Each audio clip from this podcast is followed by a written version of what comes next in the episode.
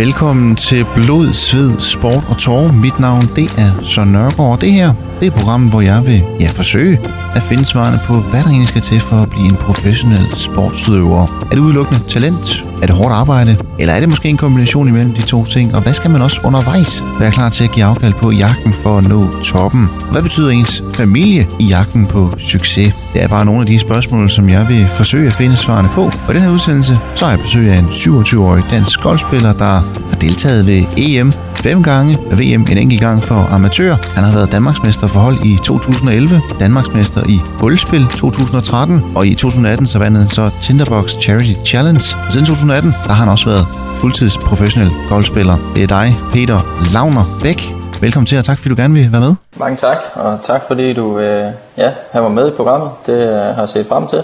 Jamen Peter, det har jeg også, fordi det er jo øh, endnu en mulighed for at få et indblik i en sport, som, øh, som jeg i hvert fald øh, sådan på overfladen kender til, men ikke så ned i detaljerne. Der håber jeg på, at du i løbet af, af den næste times tid kan, kan både give mig en indsigt i sportens verden, øh, golfsporten endnu mere, og selvfølgelig også din, øh, din vej fra, fra begyndelsen og frem til, hvor du er i dag. Men, men Peter, jeg kunne egentlig godt tænke mig at starte lidt endnu, øh, fordi du lige kom hjem fra, fra en turnering i, i Sverige. Og hvordan, øh, hvordan gik den turnering egentlig, bare sådan lige for at starte den helt klassiske? Jamen, øh, et, øh, et sted øh, i Sverige øh, hedder Halmstad, øh, som ligger en halvanden, to timers kørsel fra København af, hvilket vi jo er glade for, at det ikke skal helt op til Stockholm hver gang. Øh, men øh, et fantastisk øh, sted, øh, Tylsand der, øh, som har en helt unik bane, øh, minder meget om vores bane i Silkeborg, som med flotte træer, øh, der ligesom omkranser hullet, så, så man spiller egentlig ret ugeneret på, på huller hver for sig.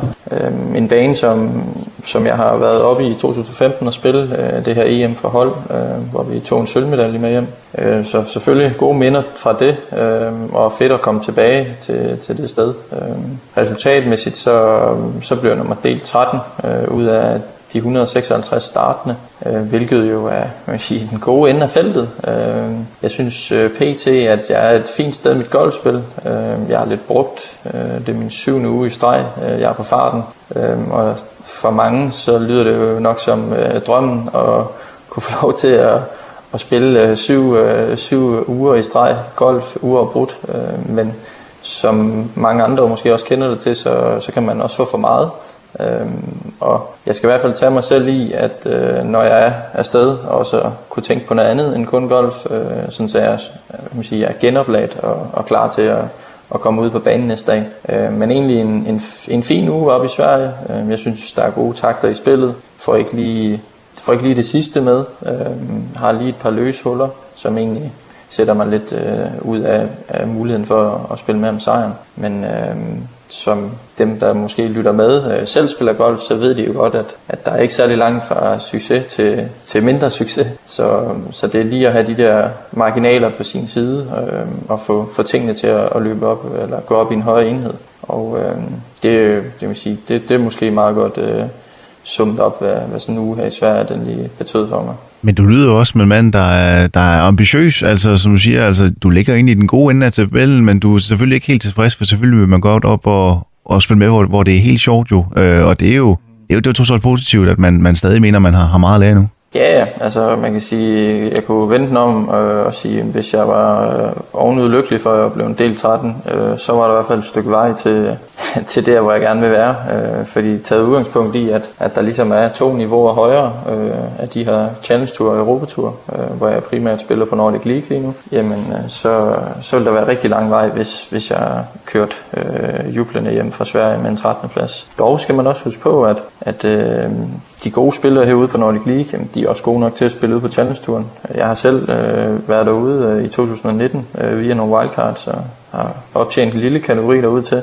Øh, havde også, øh, man kan sige, øh, fik et, eller spillet mig til et wildcard til den her Maiden Himmerland øh, for en god måneds tid siden, og havde en super oplevelse deroppe. Øh, blev nummer del 40 ud af de her 156 på, hvad kan man sige, på det øverste niveau her i Europa. Så på den måde, så så kan man sige, så kan en spil, det kan også løfte sig ved at komme ud og, og spille med nogen, der måske er nogle niveauer over en selv. Øhm, kunsten er jo så også, man kan sige, når man er mere en, en favorit, end man er en, der vil overraske, så, så skal man jo stadigvæk ud og gøre sit arbejde, øhm, og kunne, kunne tage lige point med hjem, det kræver for at komme op af de næste, næste øh, rækker. Øh, så ja, jeg, jeg er ambitiøs, og jeg har drømme og mål, der, der er højere end en 13. plads. Men jeg ved også godt, at jeg, holder, jeg falder en enkelt plads tilbage på, på ranglisten ved den her placering. Øh, ligger top, eller nummer 10 lige nu, øh, hvor det i slutningen af året øh, gerne skulle være top 5, og det er det, der giver videre avancement til, til Challenge-turen. Så man kan sige, havde jeg taget den, inden jeg kom til turneringen,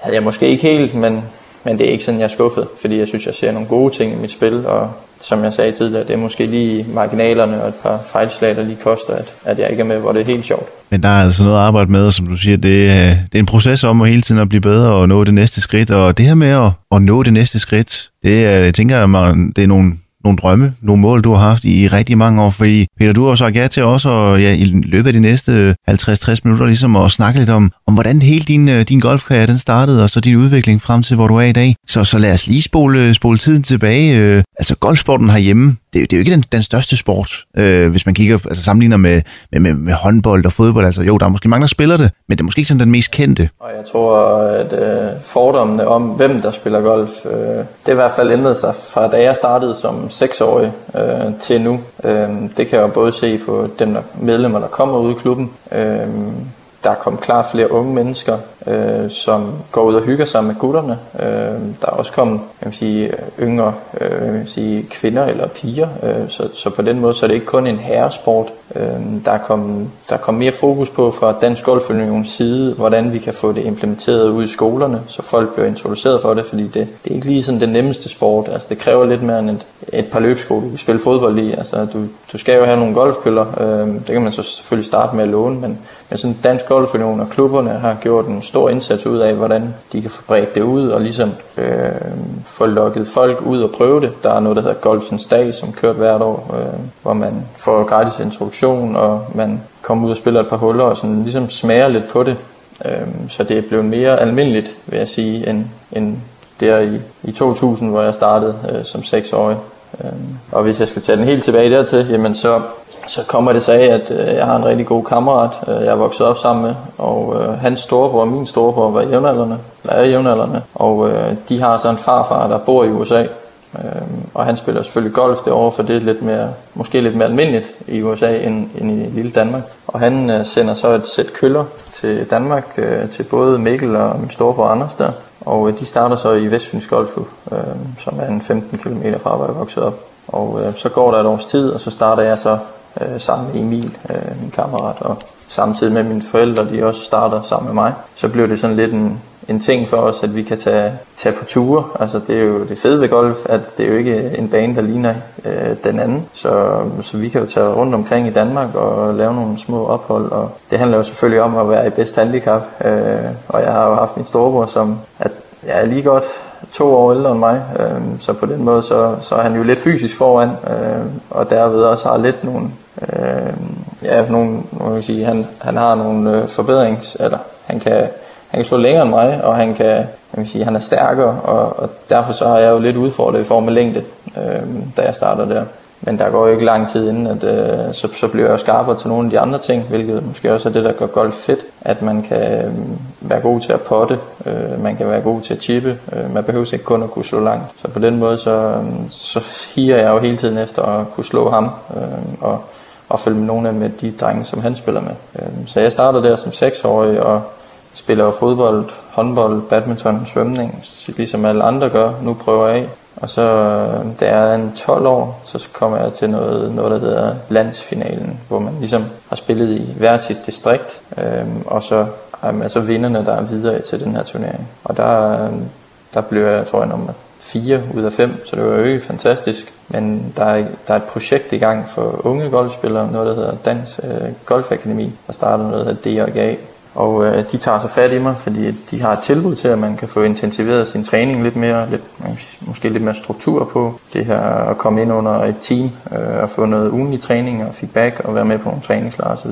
Øhm, og det er nok der, hvor jeg sådan tænker, okay, fodbold, det bliver jeg nok aldrig den bedste til. Øh, håndbold, øh, der er måske ikke den største. Og øh, ja, så synes jeg bare, at golf er fedt. Øh, fordi det var egentlig mig selv, der stod til ansvar for det, jeg skulle levere. Og det var også mig selv, der stod til ansvar for, når det gik skidt og, men også når det gik godt.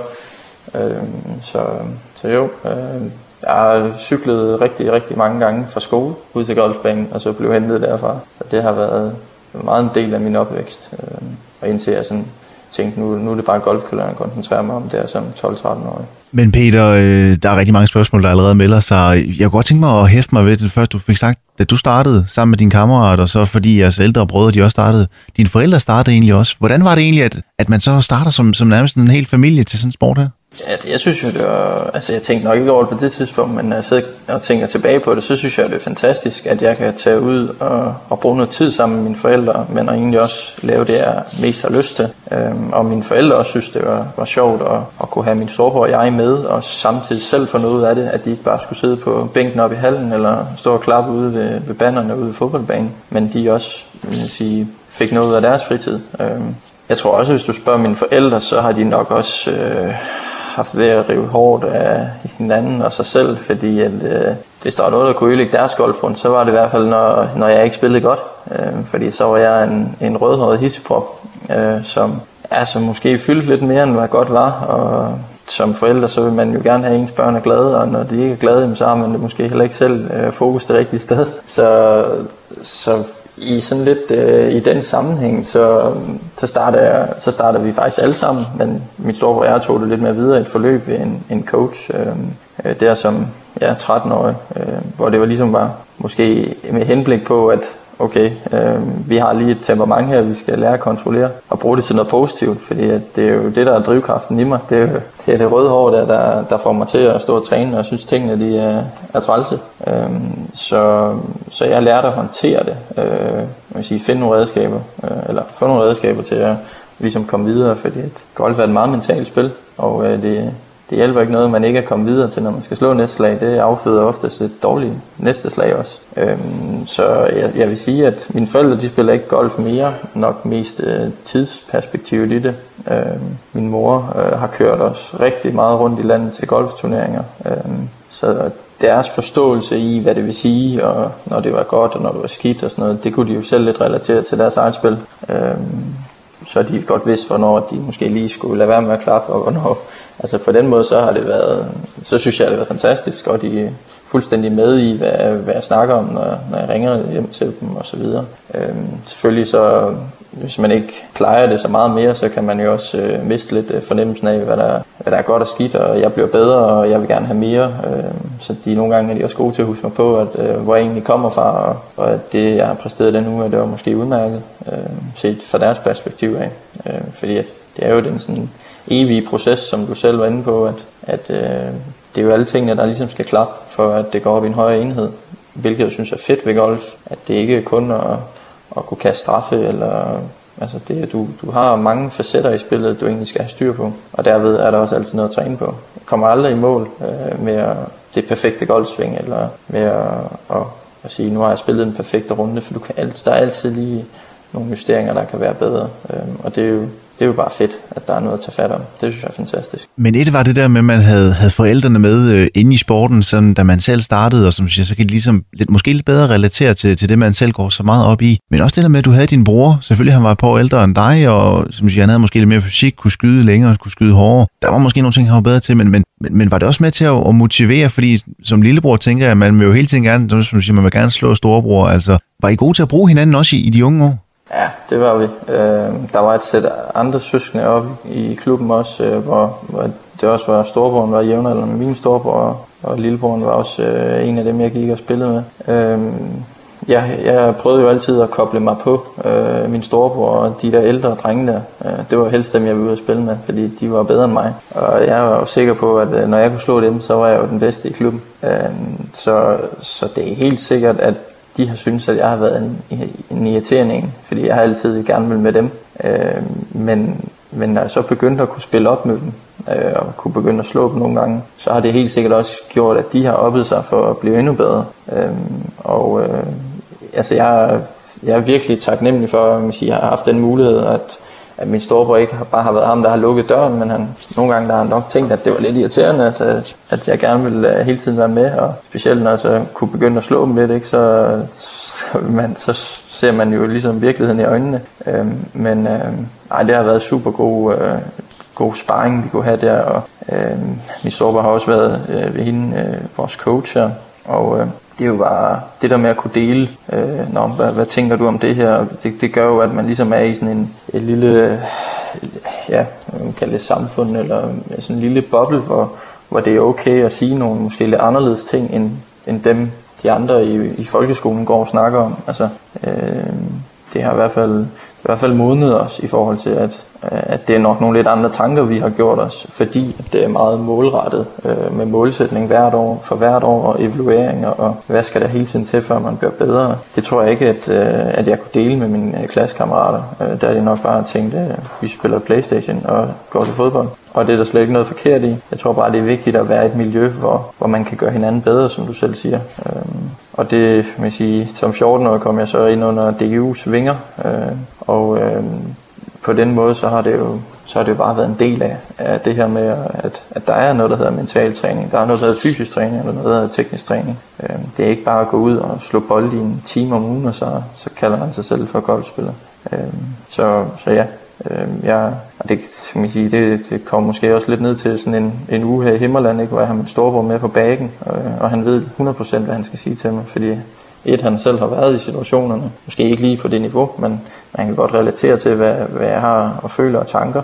Øhm, og så også, at han, han, han kender mig så godt, så han ved, hvad, hvad han skal sige, og, og han, vil, han vil mig det bedste, og det, det er ham evigt taknemmelig for. Øhm, når man går ud i de der pressede situationer, at man ikke skal til at forklare, hvorfor man faktisk er nervøs, og hvorfor man frygter at, at slå det her slag her, men, at han lige er med til at sige, hvor vil du gerne slå den hen, så vi ligesom får et fokus fremad, i stedet for selvfølgelig fint nok at acceptere, hvordan man har det, men vi bliver nødt til at have fokus på, hvad der skal ske. Øh, ellers kommer vi ikke videre. Ikke med et godt resultat i hvert fald. Altså, han er altså stadigvæk en, en kæmpe, kæmpe sparringspartner, også øh, i nu her, hvor du er blevet professionel. Ja, det er han. Øh, man kan sige, han, han er en sparringspartner i den form, at han også har lavet en app, hvor jeg har selv programmeret en app. Det siger jo lidt om, hvor han så er kommet hen i dag. Ikke? Det er mere sådan data- og IT-verden. Øh, men han har lavet den her app her, hvor jeg taster min statistik ind, øh, så jeg kan se fra runde til runde, hvad der har været godt og hvad der skal forbedres. Og der sender jeg ham tre screenshots af, af mine data, og ligesom lige Øh, nogle gange svarer han, nogle gange svarer han ikke. Øh, mange gange så er det også det der med, at jeg bare lige selv skriver et par ord, hvad, hvad jeg tænker, der skal være bedre. Øh, så han, man kan sige, han, han er jo ikke min træner. Øh, han er jo ikke den, ham, der dikterer mit sving og så videre. Men i og med, at han selv har spillet golf og kender mine tendenser, hvad jeg har snakket om gennem tiderne, så ved han jo godt, hvor jeg også, hvornår jeg er på et, et godt spor, hvornår jeg måske er ved at køre sporet. Øh, så ja, ham, ham ham vil jeg ikke være foruden, lad mig sige det sådan. Øh, han er god for mig. Men Peter, du fik også sagt før det her med, at det handler om at være i det rette miljø. Og jeg kunne godt tænke mig at spørge lidt ind til golfmiljøet. Altså nu kommer du der som, som seksårig der tilbage i, i år 2000. Altså igen, golf, golfmiljøet, hvad, hvad er det for et miljø, man kommer ind i? For siger, det er jo, det er jo et eller andet sted en meget individuel sport, fordi altså, det er jo kun dig, der svinger, svinger køllen afsted med, med, mod boldene. Men, men hvad er golfmiljøet for, for en størrelse? Eller i hvert fald det, du, det, du blev mødt af dengang? Ja, altså det, jeg blev mødt af dengang nede i Vestfyns Golfklub, det var jo øh, et rigtig hyggeligt, altså en hyggelig klub. Øh, nok det, flere ældre medlemmer end yngre medlemmer, hvilket det nok er i alle golfklubber stadigvæk. Øhm, og også er fint. Altså det, det er jo tidskrævende, så på den måde så, så nok lidt svært lige at ramme dem, der er i gang med at køre karriere. Øhm, men øhm, da jeg startede der som seksårig, der kan jeg jo bare huske, at øh, der var jo slet ikke golf, det handlede om. Det var jo, når man kom op på parkeringspladsen, så var det ud at finde så mange golfbold, man kunne. Øh, det var jo det fedeste. Øh, og så kunne man jo lige gå ned og slå lidt bolde bagefter. Men jeg tror, at det miljø, som måske også har været med til at få mig det, hvor var i dag, det var, at vi var de her søskende par. Øh, og nogle andre gutter selvfølgelig også, men, men at øh, der var den her virkelig intern konkurrence om, hvem der kunne blive klubmesteren. Øh, det var jo det fedeste. Øh, og så, så var der jo selvfølgelig en, en god træner, som øh, tog hånd om, og så også gjorde det til at være sjovt at, at spille golf, fordi at, som du siger, det er en individuel sport, øh, og der er rigtig, rigtig mange timer alene. Øh, det er nok også, hvilken person man er, om man har lyst til at hooke op med nogle andre og, og, og træne sammen. Fordi at sparring med andre er også fantastisk. Altså, I og med, at vi ikke har vores, vores træner med på samme måde som et fodboldhold eller et håndboldhold, så er det jo sådan noget med at sende sving hjem øh, ude fra et eller andet sted ude i Europa eller i verden, og så får man lige lidt øh, feedback på det. Øh, nogle uger har man selvfølgelig også en træner med, men det, det er ikke helt på samme måde. Øhm, så miljøet, miljøet er virkelig vigtigt for, at man ikke føler sig alene, tænker jeg. At man er en del af noget, øh, og der har jeg så jeg sige, øh, været en del af, af, af Vestfyns Golfklub til at starte med, øh, hvor jeg som 13-årig valgte at sige, at jeg vil gerne ind til Odense Eventyr, øh, fordi der, der tænkte jeg, at der var større potentiale for at kunne udvikle mig. Og samtidig med da mit klubskifte, så, øh, så kom jeg så ind under landsholdet. Øh, og jeg kan sige, der, der, der er det jo sådan, sige, der er ressourcerne lige til lidt mere, end, end hvad der er ude i klubmiljøet. Øhm, og det er lidt mere intensiveret på, på specifikt på dig. Øhm, så ja, træningslejre, EM'er, øh, med, med de forskellige øh, trænere. Øh, så der er jo, man kan sige, når jeg sådan tænker på, hvor mange der er rundt om mig, øh, som jeg bruger i forhold til, at jeg skal blive bedre, så er vi jo oppe på en god håndfuld. Øh, Udover det, når jeg er professionel her, så har jeg alle mine sponsorer også, som er en, en kæmpe del af det, at det overhovedet kan lade sig gøre. Øhm, og det, øh, det er fantastisk, at de har lyst til at være med på min rejse. Og Peter, det virker jo egentlig som om, at øh, din udvikling allerede fra en ung alder, den, øh, den nærmest kun gik, gik lodret op. Det er noget, det vi snakker videre om lige efter et kort stykke musik. Jeg har holdt øje med dig. Ja, jeg har holdt øje med dig. Du skal bare tro på mig. Du skal bare tro på mig. Du sender mig, sender mig, sender mig til munden. Du sender mig, sender mig, sender mig til munden. Du sender mig, sender mig, sender mig til munden. Du sender mig, sender mig, sender mig til munden. Der have mig en Tinder, det var hård tid Og dengang tænkte jeg mest på, hvordan mit hår sidder. Nu om dagen er jeg mere travlt med at passe på dig Sørg for dig selv og lide, slutter godt det videre. Shh. Lad mig pause snakken. Forhold går op og ned som dyrehavsbakken. Baby giv mig lige en chance for at snakke. Nogen starter en familie og en uge efter går de fra dem yeah. Og det er lidt for basic. Jeg faldt for dig helt ned til knæene baby Ja, yeah. det er lidt for basic. Bare vent på mig baby, ikke stress det Ja, ja, ja. Jeg har holdt øje med dig. Du skal bare tro på mig. Du sender mig, sender mig, sender mig til munden. Du sender mig, sender mig, sender mig til munden.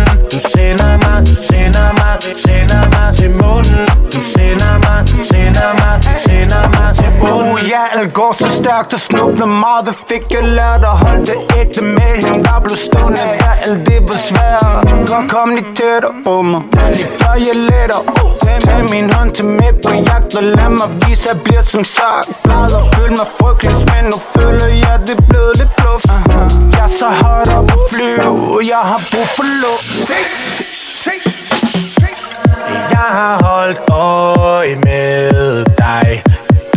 Du skal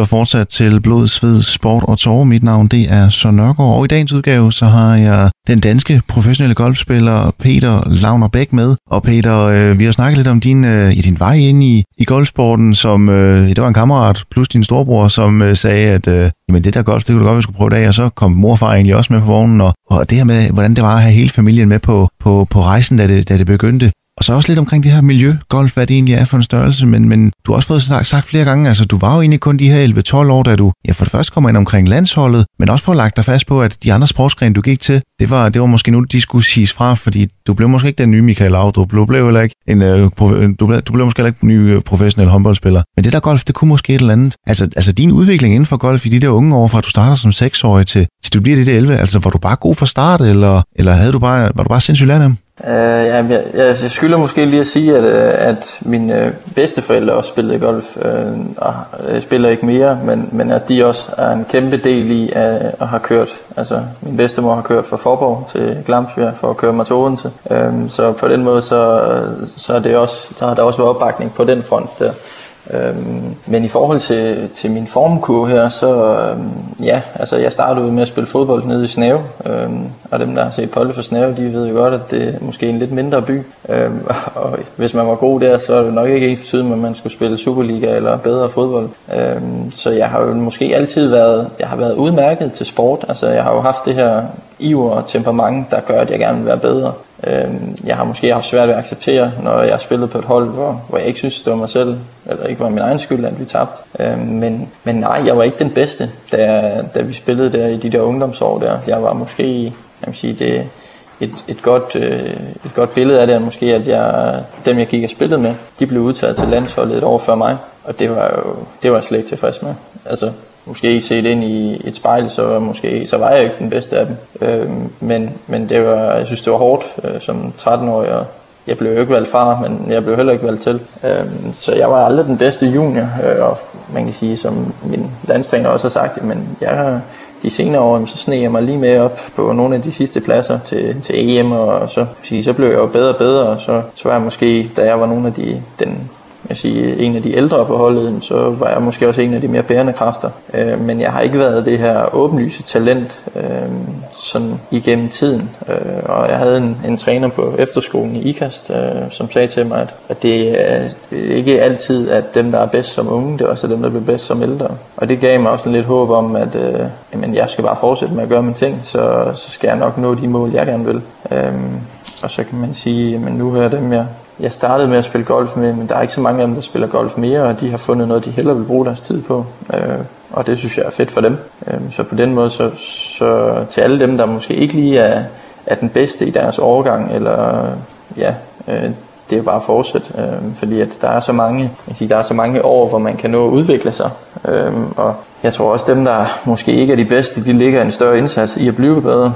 Og øh, nogle af dem, der er rigtig gode og meget Øh, naturtalent. Øh, de glemmer måske lidt, at, øh, at hvis man gerne vil fortsætte med at være god, så bliver man også nødt til at arbejde for tingene. Så på den måde, så, så jeg har nok været lidt i baggrunden, men måske har arbejdet med til, til at blive bedre. Øhm, og så, så kræver det selvfølgelig også, at, at man har nogle gode mennesker omkring sig, der tror på en og har lyst til at, ja, at, at bruge en masse af deres tid og, og ressourcer på at, at, at jeg blev bedre som golfspiller. Men, men hvordan arbejder du så med det her med at blive bedre? Altså du sagde selv, at du havde en træner, som selvfølgelig, som selvfølgelig også gjorde det interessant at netop gå til golf. Men altså er det allerede der, du, du også i de der 12-13 år, altså begynder at, at måske træne en gang mere om ugen, eller begynder netop, som du siger, at fokusere mere på, på potspillet, eller, eller hvordan, hvordan, hvordan, brugte du den her, som du siger, manglende tilvalg til, at, til landsholdet? Hvordan brugte du den uh, positivt? Ja, altså ja, på det tidspunkt, der havde jeg min, min mentaltræner der, og, og det var selvfølgelig at få det vendt til, at det var træls. Øh, men lad os nu lige give den en skalle, og så altså, lige kan, kan jeg lægge et par procenter på, jamen, så skal det nok komme. Og så, så blev jeg så udtaget til landsholdet året efter. Øh, og det kan man sige, det er jo sådan lidt en anerkendelse af det, man gør. Øh, vi var vel 6-8 på den trup, øh, unge, eller juniorlandsholdet. Øh, så det er jo selvfølgelig en anerkendelse af, at det man gør, det, det er godt, og det har noget potentiale. Øh, nogle gange så, så kommer der selvfølgelig også nogle spillere, som, som måske øh, har svært ved at håndtere det her pres. Eller, altså, for der er ingen tvivl om, at når du er på landsholdet, så, så bliver der mere, lagt mere mærke til, hvad du gør. Og når du spiller dårligt, jamen, så, så, så er der andre, der også gerne vil have din plads, som måske føler, at nu, nu er det min tur. Øh, så det er jo sådan lidt... Øh, øh, jeg kan sige, en eksamen hver uge, når vi spiller turnering. Øh, vi, spiller mange, eller vi har mange eksamener om året i forhold til, hvis jeg har taget en uddannelse. Men, øh, men det er jo offentligt tilgængeligt, og der kommer et resultat ud af det. Øh, men jeg tror egentlig bare, at jeg, ja, jeg, havde, jeg havde ikke lyst til at give op, bare fordi det ikke lige gik min vej til at starte med. Øh, og det her fællesskab, vi havde oppe i golfklubben, og det her med, at vi bare vi cyklede op efter skole, min store og jeg, og så, så var vi der, indtil vi blev hentet om aftenen. Det var, jeg kunne ikke se, hvad fanden jeg ellers skulle lave. Altså, det var, det var bare perfekt. Øh, jeg kan godt lide at være udenfor og være ude i naturen, og selvfølgelig når det regner, så er det, så er det på med regntøjet. Øhm, men de her morgener og aftener, og måske også sådan hen over dagen, men specielt morgen og aftener, der synes jeg, det er fedt at kunne gå ud i skoven og ja, øh, få, nogle, få nogle andre indtryk, end at sidde foran øh, computeren. Det var bedre til om vinteren. Øh, der blev spillet computerspil, når der var sne på græsplænen. Øh, men når det var, solen var fremme, og, og foråret det sprang ud, jamen, så var det bare ude på golfbanen. Der var ingen tvivl. Ja, Peter, det lyder som om, at du igen i en meget ung alder har brugt rigtig mange timer på golfbanen. Altså, hvor, hvor meget trænede du dengang? Altså, hvor meget træner man, eller trænede du som, som ung spiller? Ja, det er jo, nu er jeg jo næsten blevet så gammel, så jeg dårligt kan huske det, men jeg, hvis jeg havde fri fra skole klokken 1-2 stykker, så var jeg på golfbanen omkring klokken 3, og så blev vi hentet ved en 7-8-tiden, øh, inden vi skulle hjem og have aftensmad. Øh, og så er der jo gået en, en god 4-5 timer med det. Øhm, så kan man sige, så er der jo weekenderne, hvor der er turnering. Der, der var det ofte 36 huller per dag. Øh, så det er jo en rundt tager 4-4,5 time plus opvarmning, øh, så, så, så gik der en hel dag med det. Øh, så, så et specifikt timeantal har jeg nok svært ved at sige, men, men det var nok en gennemsnitlig en 3-5 timer om dagen. Øh, der var selvfølgelig også nogle dage, hvor jeg ikke kom afsted på golfbanen, og der var alt muligt andet, men, men ja, øh, jeg vil sige sådan, det, nu her, som, som, hvor det er mit erhverv, så, så skal jeg jo nærmest øh, tage mig selv i at, at, at tage, tage væk fra golfbanen. Øhm, specielt efter sådan en stretch, jeg har været igennem med, med syv uger i streg. Øhm, der er det vigtigt for mig, at, at jeg også bliver lidt sulten igen. Altså det her med ikke lige at røre golfkøllerne i en-to dage. Øhm, det, det kan være sådan lidt, øh, man kan sige, det kan være lidt, føler lidt, at man måske mister lidt touch, øh, men det kan også være virkelig forfriskende at, at sige, at nu så kan man helt have lyst til at stå på træningsbanen igen, for, hvor det tidligere måske kan hænge lidt en ud af halsen, selvom det er jo det er mit arbejde, og jeg elsker det. Øhm, det er jo sådan lidt love-hate relationship, man kan have til, til sådan nogle ting her. Øhm, men ja, jeg tror for at svare på det spørgsmål egentlig, at, at det her med, at øh, der var en masse gode mennesker omkring mig, og øh, altid haft opbakning fra mine forældre øh, til at gøre det. Øh, de har været gode til at køre mig rundt og så videre, men det har ikke været deres projekt. Altså, de, de vil have det fint med, hvis jeg kom der og sagde, at jeg har ikke, jeg har ikke lyst til at spille golf med. Øh, og det tror jeg måske også er derfor, at jeg har har haft lyst til at tage det videre, øh, fordi at det var noget, jeg godt kunne lide.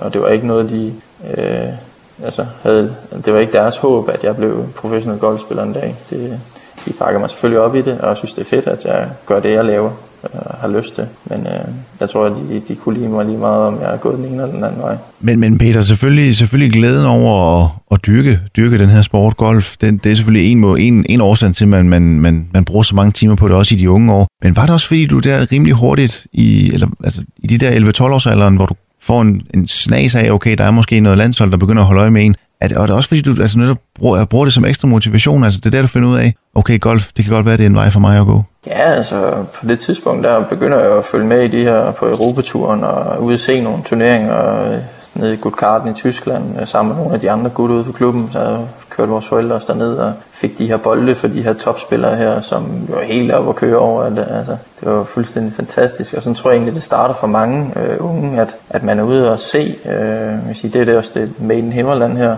Øh, det er jo også en turnering, jeg har været oppe at se, og i år har jeg så selv får lov til at spille i den, ikke? Og så, så man kan ligesom se, at man, man er kommet fra et sted, øh, hvor, hvor man har de her idoler, øh, og så, jamen, så en dag, så, så har man muligheden for at gå og spille med dem, og det har selvfølgelig krævet rigtig, rigtig mange timer, men det er jo fedt at se, at de, de mål, øh, de kan blive indfriet. Øh, det, øh, ja, det, det, det er jo nok, øh, man kan sige, det her med, at jeg har haft et idol, der for eksempel Søren Kelsen, så er jeg ude og spille med ham her for en måneds tid siden, øh, og kunne gå og snakke med ham og finde ud af, at han, han er jo lige så menneskelig som alle mulige andre. Ikke? Øh, mange gange så sætter man dem jo op på en pedestat, og, og det fortjener de også, øh, men, men de er jo mennesker ligesom alle os andre, øh, og han, jamen, han var bare hyggelig og god til lige at, at, at få mig til at, at lige falde lidt ned igen på første 10 i sport, hvor jeg var far og så videre og så videre. Øh, så ja, det, det er nok det her med den her udvikling i, at jeg har set sådan løbende, at okay, nu fik jeg indfriet det mål, nu blev jeg Danmarksmester, nu, nu kom jeg til EM, nu lavede vi medaljer, nu, nu kom jeg til Mexico og spille VM. Okay, jamen, der er måske en levevej inden for det her golf her, øhm, og så, så har jeg nok altid bare tænkt, at det ville være fedeste at kunne gå og spille golf hver dag, øhm, og det synes jeg stadigvæk det er. Det er derfor, jeg jeg fortsætter, og jeg kan se, at jeg stadigvæk udvikler mig. Øh, det tror jeg, det er det vigtigste for mig øh, i forhold til, jeg vil sige, der er mange ting, jeg siger nej til, øh, og har sagt fra igennem mit liv, men alt det, jeg oplever, det opvejer minimum til mere. Det er, jeg vil sige, det er det liv, jeg lever lige nu. Så, så hele tiden at sætte sig nogle mål, og så ja, se, at de bliver indfriet. Det kan godt være, at de ikke bliver indfriet med den tidshorisont, der man har sat, men, men at de bliver indfriet hen ad vejen. Det synes jeg bare det, det synes jeg alle under sig selv om, hvad end man så laver, så er det at sætte nogle mål, øh, for så kunne kigge tilbage på, om man også har opnået det. Ellers så skal man måske ændre nogle ting i sit liv, for at det kan lade sig gøre. Nu fik du selv sagt, at du har, du har undervejs og må stadigvæk også sige, sige nej til nogle ting, fordi det simpelthen er golfen, der fylder så meget. Men, men når, man, når man er de der unge, øh, når, man er, når man er ung, altså går i folkeskole, og jeg ved ikke, om du har taget gymnasie eller handelsskole, eller hvordan, øh, men, men, men, men der er jo også, når man kommer i de der teenageår, altså der er jo også nogle fester, som pludselig begynder at melde sig, og der er nogle kammerater, der gerne vil have en med til, til lidt af det hele. Der begynder måske også at komme noget, noget interesse for, øh, for modsatte køn og, og så videre. Men, men igen, der, altså, hvad, hvad, hvor svær en balance er det, når man, når man er de der 12, 13, 14, 15 år og, og har sporten på den ene side, som man, som man dyrker, har en kæmpe passion for og begynder at komme ind omkring noget landshold, og så samtidig man vil også gerne være social med, med vennerne og, og være, være en del af, af festerne, der også er i weekenderne. Ja, altså jeg har en folkeskole, hvor jeg så var i 9. klasse på IKAST øh, Idræts Efterskole, og der er det jo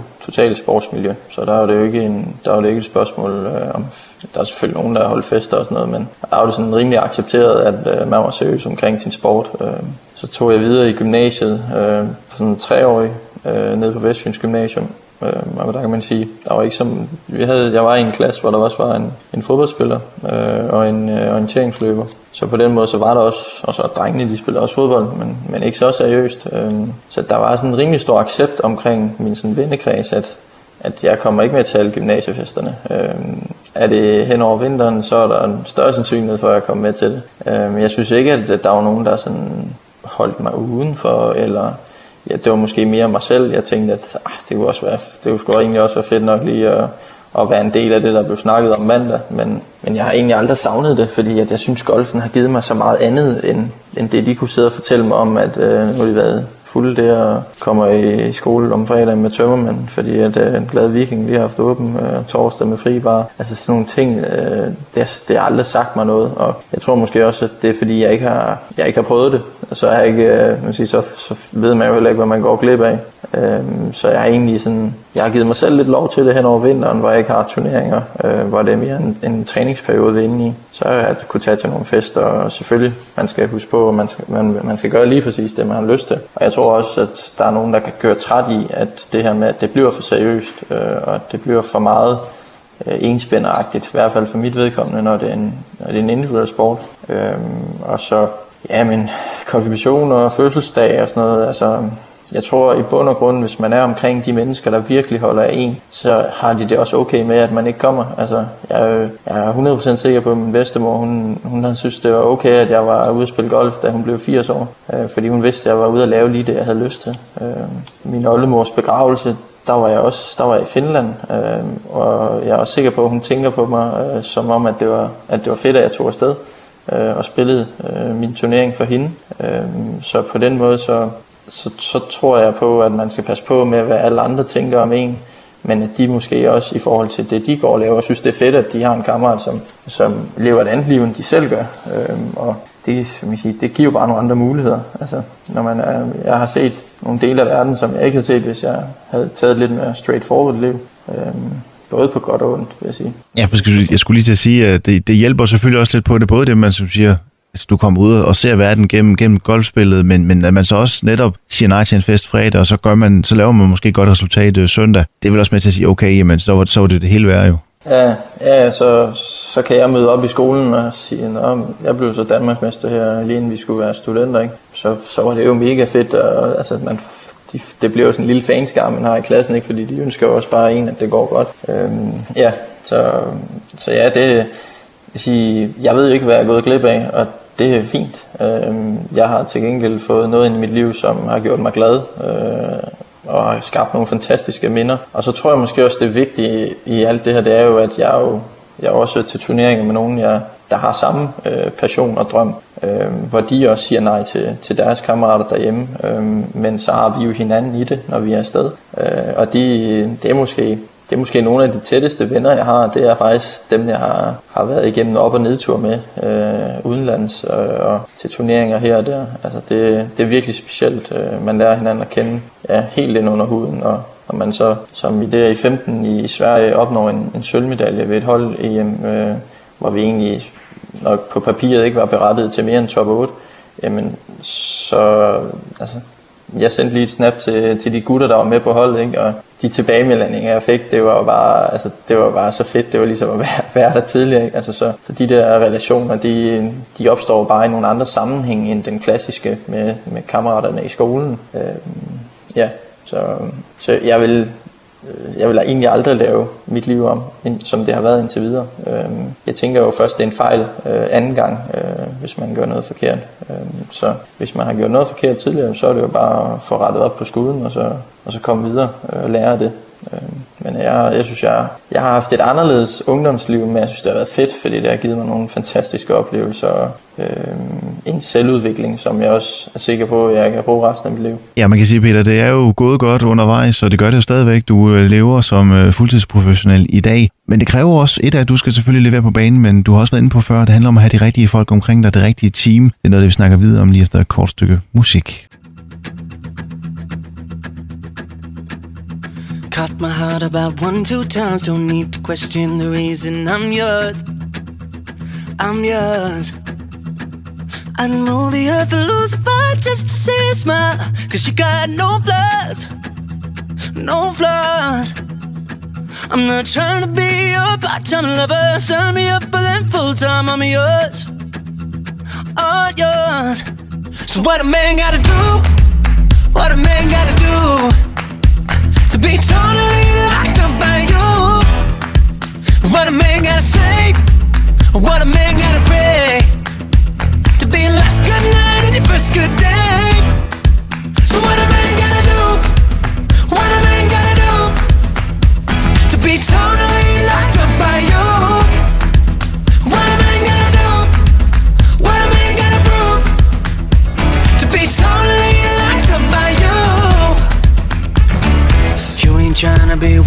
time on stupid people in cheap plans. I'm sure, I'm sure. So I gave a million dollars just to go to grab me by the collar knock on these doors, these doors. I'm not trying to be a part-time lover. Sign me up for them full-time. I'm yours. I'm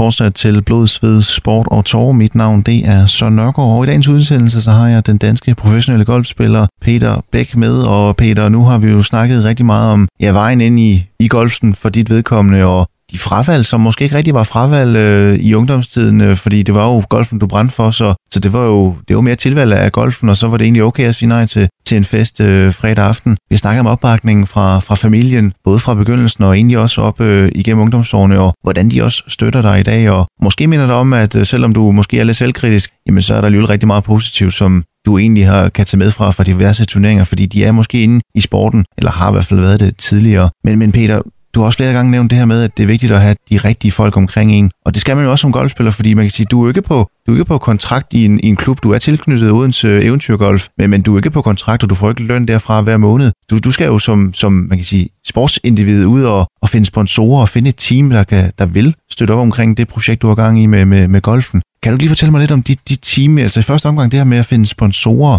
Hvor, hvor svært er det? Øh, det er i hvert fald noget at blive klogere på. Øh, nu har jeg været, det er min, mit fjerde år som professionel her, og øh, det jeg kan sige nu, øh, fire år senere, eller tre og et halvt år senere, det er jo, at det er relationen til de mennesker, der har den her jeg vil sige, mulighed for at støtte dig, øh, der er altså enormt vigtig. Øh, jeg er jo igennem øh, mine ungdomsår, øh, eller som de senere, senere amatørår, så har jeg været med til nogle erhvervsklubarrangementer ude i Eventyr, og der der skal vi så ud og spille med de her øh, sponsorer og direktører og hvad de nu har titler. Og det er jo selvfølgelig der, jeg bliver introduceret for, for nogle af dem, der også støtter op om mig i dag. Øh, der kan man jo sige, at i forhold til, når de er på deres kontor, så er de jo totalt på udebane ude på golfbanen. Fordi der er en grund til, at de er direktører, det er fordi, de bruger mange timer på deres arbejde. Så når de kommer ud på golfbanen, så er det nogle gange med telefonen, der ringer, og øh, så, så altså, de, der er i hvert fald ikke så mange af dem, der er direktører i et, et firma, som også er rigtig gode golfspillere. Der er nogen, øh, og det, det er selvfølgelig også, øh, hvad deres øh, lyst og, og hvad man siger, tid er til at, at kunne spille golf. Men, men på den måde, så er det jo ligesom mig, der, der måske shiner lidt mere derude. Øh, og når de kan se, at jeg slår nogle slag, som, som de ikke selv kan slå, øh, så er det jo, de får den her wow-oplevelse. Øh, så så det jeg sådan ligesom har, har fundet ud af igennem de her år her, det er jo, øh, at man skal have en relation til de her folk her, øh, og man skal bruge, altså bruge tid med dem. Øh, de, der er så mange, der er så taknemmelig for, at, at jeg tager ud og spiller en runde med dem, eller giver noget tilbage, giver dem nogle træningsøvelser osv., hvor man kan sige, jamen det er jo det, jeg kan gøre for dem. Øh, jeg har ikke 12 hjemmekamp med, med VIP-spisning, øh, når jeg spiller. Altså, det, er jo, det er jo et helt andet setup, øh, og mange af dem de hjælper mig også med hjertet mere, end at de ser, at, øh, at de får en forretning ud af, at, øh, at der, der står logo på tøjet, altså, eller på kappen, eller på bilen, eller hvor, hvor det nu er. Øh, men det er fordi, de, de gerne vil hjælpe mig og bakke op om mit projekt. Og så er de fleste spiller også golf. Jeg har også et par med, som ikke spiller golf, som, som også 100% gør det med hjertet, øh, fordi at de synes, jeg måske er en fin fyr, og ja, jeg, jeg måske er måske en lokal her fra, fra Odense af, og på den måde kan de se noget værdi for dem i det. Øh, men altså det hele starter sådan op med, at jeg har, jeg har dannet mig sådan et lille netværk, og så har jeg øh, to personer, som, som sidder i hver deres direktørposition, øh, og de går sådan ind og åbner lidt deres netværk for mig, øh, og, og det giver så mulighed for, ja, jeg kommer ud og spille med nogle af deres kunder, øh, som så også bliver sponsorer i, hos mig. Øh, og på den måde så bliver det jo lidt en win-win, fordi så er der også nogle fælles relationer, der arbejder der. Øh, og så, så synes jeg jo, at det er også det, der gør det, den professionelle tilværelse spændende. Det er, at jeg har mange forskellige kasketter på. Altså, jeg skal også selv holde styr på mine bilag. Jeg har godt nok en revisor, der er bogfører for mig, men, men øh, sådan, altså, der er både en, en sælger i form af sponsorater, der er en, der er en, øh, en, der lige skal holde styr på, på sit golfspil også, og så er der også øh, den private Peter, øh, som, øh, som min, min kæreste hun nok vil kalde det. Øh, så, så der er mange forskellige kasketter, jeg har på, hvilket også gør det til sådan lidt der er lidt variation i tilværelsen, at det ikke kun er at stå og slå bolde. Øhm, man kan sige, det bliver, det bliver lidt udpenslet lidt mere, når man øh, starter CVR-nummer og momsregistreret osv.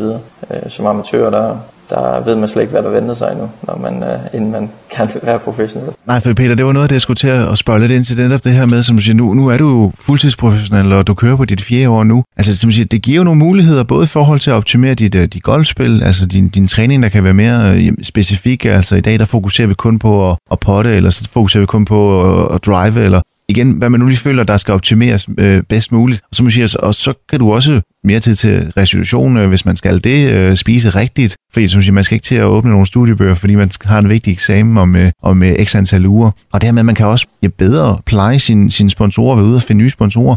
Altså det giver nogle flere muligheder der med, at du nu kan leve fuldtidsprofessionelt. 100 procent. Altså, jeg tænker tit på, at der ikke er nok timer i dagen til, at jeg når alt det, jeg gerne vil. Og min kalender, det er en skarp prioritering øh, af, hvad, hvad jeg både er nødvendigt, men hvad jeg også har lyst til. Øhm, så det er jo, man kan sige, det er jo i hvert fald ikke et 8-4 job, jeg har mig. Øh, ofte så starter det i hvert fald tidligere end 8, og der er også mange gange, det slutter senere end 4. Øh, men den frihed, der er i at, at, at være selvstændig øh, og at være professionel øh, udøver, det, øh, altså, der er ikke nogen, der, der står og kigger på, om jeg træner klokken 8 om aftenen, eller jeg træner klokken 7.30 om morgenen. Øh, så jeg har jo en enorm frihed og man kan sige, det, det jeg selvfølgelig skal, skal være god til, det er jo det er jo de der sure timer om vinteren, hvor, hvor det er to grader, og vinden den kommer lige ind under taget øh, ude på rangen, og der, der, der skal jeg nok øh, trække mig selv lidt mere i nakkehårene for, for at få mine ting gjort. Men så hooker man op med et par andre gutter, som også gerne vil det samme med deres golf. Og så har vi det der igen, det der fællesskab der, som,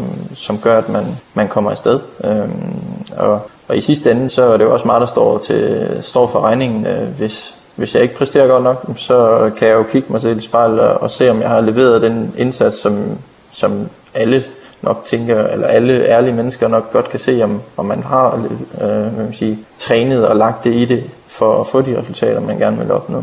Øhm, så, men altså, det, det er sådan lidt, øh, det er sådan lidt øh, to øh, sjove øh, halvdele af året, hvis man kan sige det sådan, eller i hvert fald måske to, fire, eller to tredjedel, der, der er virkelig presset, hvor min kalender er fuldstændig proppet, og, og hvor det som jeg sagde, skarp prioritering på, hvad, hvad det er, jeg gerne vil, og så, så vintersæsonen, hvor, hvor der kan jeg få lov til at puste ud, og også være med til mere af de her familiære ting, og, og, og få lavet nogle Øh, flere ting på hjemmefronten, og, og plejede det.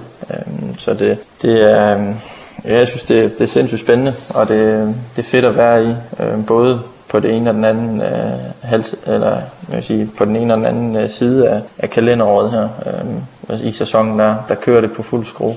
Øh, og man kan sige, jo bedre jeg bliver, jo mere over hele året kommer det til at køre. Så, så det er jo en livsstil, øh, som jeg kombinerer med mit arbejde. Nogle de vil måske kalde det en hobby, men, men i og med, at det er den, den eneste indkomst, jeg har, så, så vil jeg nok mere kalde det et arbejde øh, kom, kombineret som en livsstil. Og som du siger, du, du vil jo gerne udvikle dig hele tiden og blive bedre og netop at, at tage det næste skridt og, og endnu et, man kan sige, et, et virkemiddel til netop at og måske være med til at tage det sidste skridt. Det er, som du siger, den mentale del, den fylder rigtig meget i, i, i golfen, og du har jo egentlig haft mentaltræner på, lyttet til, i en alder af de der 12-13 år. Altså, hvor, hvor meget arbejder du med det mentale i dag, kontra da du var yngre? Øh, er der også blevet lagt mere på, eller hvordan, øh, hvordan bruger du det i dag? Øh, ja, altså jeg har, jeg har ikke den samme mentaltræner, som jeg havde, da jeg var de der 12-13 år. Øh, vi, vi arbejdede sammen i 9 år, og så hvad havde jeg lige på år alene, øh, eller alene, øh, i hvert fald uden en fast tilknyttet. Øh, der er også mentaltrænere inde omkring DGU, øh, og der kom der en ny ind, øh, som, som jeg havde en rigtig fin kemi med, og som jeg synes var ret skarp. Øh, jeg har skrevet nogle bøger også, øh, som jeg også fik læst, og det kunne jeg virkelig godt spejle mig i, at skulle arbejde sammen med ham. Øh, så på den måde så har jeg stadigvæk øh, så har jeg så en, en, en mental træner tilknyttet, og øh, man kan sige, i og med at jeg er professionel, så betaler jeg jo så for de, de timer, jeg snakker med ham. Øh, så det fungerer oftest på Skype eller Zoom, øh, og så har jeg også nogle sessions, hvor vi mødes og, og går en tur. Øh, coronaen har været lidt svær i forhold til at, at kunne, kunne mødes på den måde, øh, men, øh, men ja, øh, det er stadigvæk, altså jeg tror, det mentale fylder så meget i golf, fordi at man, man har så god tid mellem slagene. Altså i fodbold, der løber du bare endnu hurtigere, du kan efter bolden, og så, okay, så bliver der scoret, så må jeg kæmpe det mere for at få det mål. I golf, der, der kan et, et slag kan ødelægge hele din rundt. Øh, jo bedre man bliver, jo færre fejl eller fejlslag øh, må man have. Øh, så på den måde, så, øh, så er det mentale bare så vigtigt. Også fordi øh, jeg er den samme Peter, når jeg er på golfbanen og når jeg er derhjemme.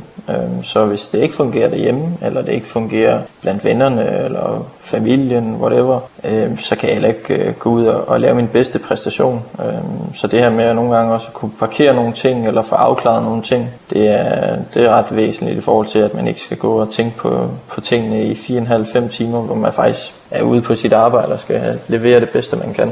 Men, men, men hvad er det for, for virkemidler, mentaltræneren giver dig netop, som du siger, det handler om at, at selvfølgelig være i, altså fokuseret på det og der, hvor man er nu, og så også hurtigt komme videre fra, hvis man har, har haft en dårlig omgang? Altså, det, øh, jeg, vil sige, jeg er nok den personprofil, hvor det er sådan meget, jeg vil gerne have styr på tingene, og skal helst gå, som jeg egentlig også forventer, og du ved, sådan, jeg, jeg er ikke så nysgerrig og søgende, som jeg godt kunne tænke mig, jeg var. Øhm, så det her med, at når tingene ikke lige helt går efter bogen, jamen øh, så, så er det også en mulighed for, at jeg udvikler mig på den front. Øh, det her med, at øh, buschaufføren han bestemmer ikke, hvem der kommer ind i bussen. Øh, der kommer nogle gange nogen ind, som er træls og hvad andet nej, men, men det vigtige er jo, at du ikke må snakke med chaufføren under kørsel. Så de her personer, de kan jo bare sætte sig ned bag og så hopper de jo også af bussen på et tidspunkt igen. Så det er jo sådan nogle, man kan sige, det er jo egentlig en, en mentaltræner kommer jo ikke med svaret til dig, men vil gerne selv have dig til at tænke, hvad, hvad det er, det næste skridt skal være herfra. Og hvis du så er helt bar, på barbunden, så kommer han selvfølgelig med nogle ledetråd. Øh, men, men det er, jo, der, det er jo vigtigt, at det er noget, der virker for dig selv. Øh, det tror jeg alle kender, hvis man, hvis man ikke øh, synes, det er spændende, eller ikke bliver fanget af det, jamen, så glemmer man det jo bare. Øhm, så det skal jo være nogle quotes, eller nogle metaforer, eller et eller andet, der kan få en tilbage på rette spor. Og den her med buschaufføren har været god i forhold til mig, når, når der kommer frygt, øh, ubehag. Øhm, så er det bare en, en passager, øh, jeg må acceptere at komme ind i bussen, og så må jeg jo øh, fokusere på at, at styre bussen lige ud, øh, og så hopper vedkommende nok af igen. Og nogle gange, når, det, når man når man er der, hvor man gerne vil være, og man er med fremme i turneringerne, jamen så kommer den her passager bare oftere ind i bussen, end hvis man ligger ned og ruder ned i bunden, så, så frygter man jo ikke det helt store. Øh, så, så det er sådan nogle ting, øh, som jeg synes, at, at min mentaltræner han er super god til at, at ligesom give mig med i rygsækken. Øh, og så, så som jeg siger, så er det jo det er jo ligesom at holde kroppen kørende. Øh, hovedet det, det skal også fungere og få nogle gode øh, nogle gode tanker at have ude på runderne, og, men også uden for banen. Altså, det kan ikke hjælpe noget, jeg, jeg går er negativ uden for banen, eller ser alle hullerne i osten uden for banen. Øh, det er jo den samme person. Jeg, det er ikke sådan, at jeg lige stiger ud af den anden side af bildøren, når jeg kommer ud på parkeringspladsen på golfbanen, og så, så er en helt anden Peter. Altså, det er jo den samme person.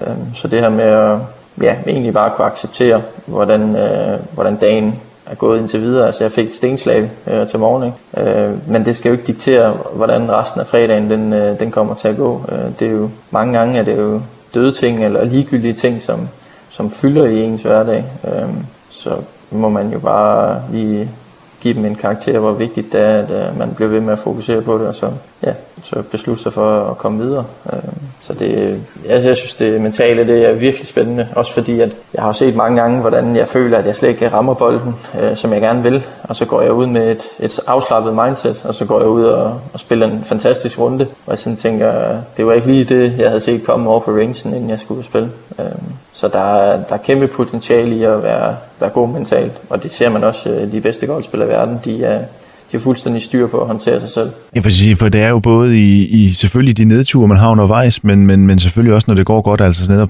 så man finder balancen både, når det går skidt, men også går, går godt, at man ikke lader sig rive med, eller man netop får det her positive mindset om, at man skal nok komme videre, for der kommer hurtigt en ny mulighed for at, at komme tilbage på sporet igen. Peter, øh, altså vi nærmer os jo næsten den her time, der er gået, og vi kunne, jeg kan høre, at vi kunne snakke meget, meget mere om, om din vej ind i sporten, og hvordan du ligesom har udviklet dig undervejs, men, men tiden den er vel fra os, og her der, derfor så vil jeg gerne have til sidst lige, Peter, øh, hvis du nu skulle give et råd videre til, til unge folk, unge golfspillere, som måske lige er kommet ind i sporten, eller eller at måske lige står på tasken, har brugt mange timer og, og begyndte måske lige at presse sig på til at og, og finde ud af, at det kunne måske være noget for dem, den her, den her golfverden. Hvad er det bedste råd, du kan give videre til, til de unge golfspillere, der, der bruger mas, masser af timer på, på golfbanen? Uh, ja, det er jo et godt spørgsmål. Øhm, jeg vil jo sige, at øh, i hvert fald i ungdomsårene, der handler det om, at det også skal være sjovt.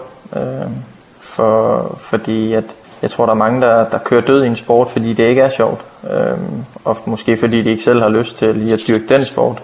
Øhm, jeg er godt klar over, at når man bliver bedre, så er der også timer, hvor det ikke er sjovt. Øhm, fordi det kræver det bare for at, at blive bedre. Det kræver hårdt arbejde, og det kræver også de, de sure timer. Øhm, men det er vigtigt, at den her glæde her, den følger med i, i sporten. Øhm, og, og har man ikke den glæde mere, så, så synes jeg, at man skal gøre sig selv den tjeneste og revurdere, om, om man laver det rigtigt. Øhm, fordi man kommer aldrig til at nå de mål, hvis man ikke har glæden med i det, og det, det er også noget, jeg selv øh, er opmærksom på, øh, og noget, jeg selv kan have det svært ved nogle gange, men, men det er bare uhyre vigtigt, at, at man også kan smile af tingene nogle gange, øh, og sige, det var, det var fedt det her, og så, altså, og så tror jeg egentlig, at altså det her med at have et godt, godt team omkring sig. Altså nu, der er mange forskellige forældrekonstellationer, og mine forældre er skilte, men, men har det fantastisk sammen stadigvæk. Øhm, men, men det her med, at, at der er selvfølgelig hjælper det, når der er en opbakning. Men, men jeg synes jo, de smukkeste historier, øh, man hører rundt omkring, det er jo dem, der har været på lidt af en omvej for at nå hen til deres mål. Øhm, så bliv ved med at kæmpe. Øh, jeg elsker de her små øh, lykkehistorier, hvor, hvor der er nogen, der, der har haft det sværere end gennemsnittet, men bare har haft den her lyst til at blive den bedste, og så gå ud og opfylde deres øh, mål og drømme. Øhm, så, så, så det er nok sådan, hvis jeg skal koge det ned til, så er det jo at have glæden øh, i det, man laver, øh, fordi det er også med til at, at gøre de sure timer lidt sjovere, og så, øh, jeg kan sige, være nysgerrig på at have nogle gode mennesker omkring en. Øh, og det er måske lidt, lidt svært at, at få det som 12-13-årig, men, men i hvert fald øh, så måske til den øh, være åbensindet og, og nysgerrig på, hvad det er for nogle mennesker, man møder, fordi der, der er fantastiske mennesker over det hele. Øh, man kan ikke se det på, på indpakningen, øh, hvad de forskellige har at byde på, men, men i og med, at man selv er åben og, og tager ud og spiller en runde golf med nogen, jamen så, så kan man bare lære nogle helt unikke mennesker at kende, som vil gøre alt for, at du også når dine mål.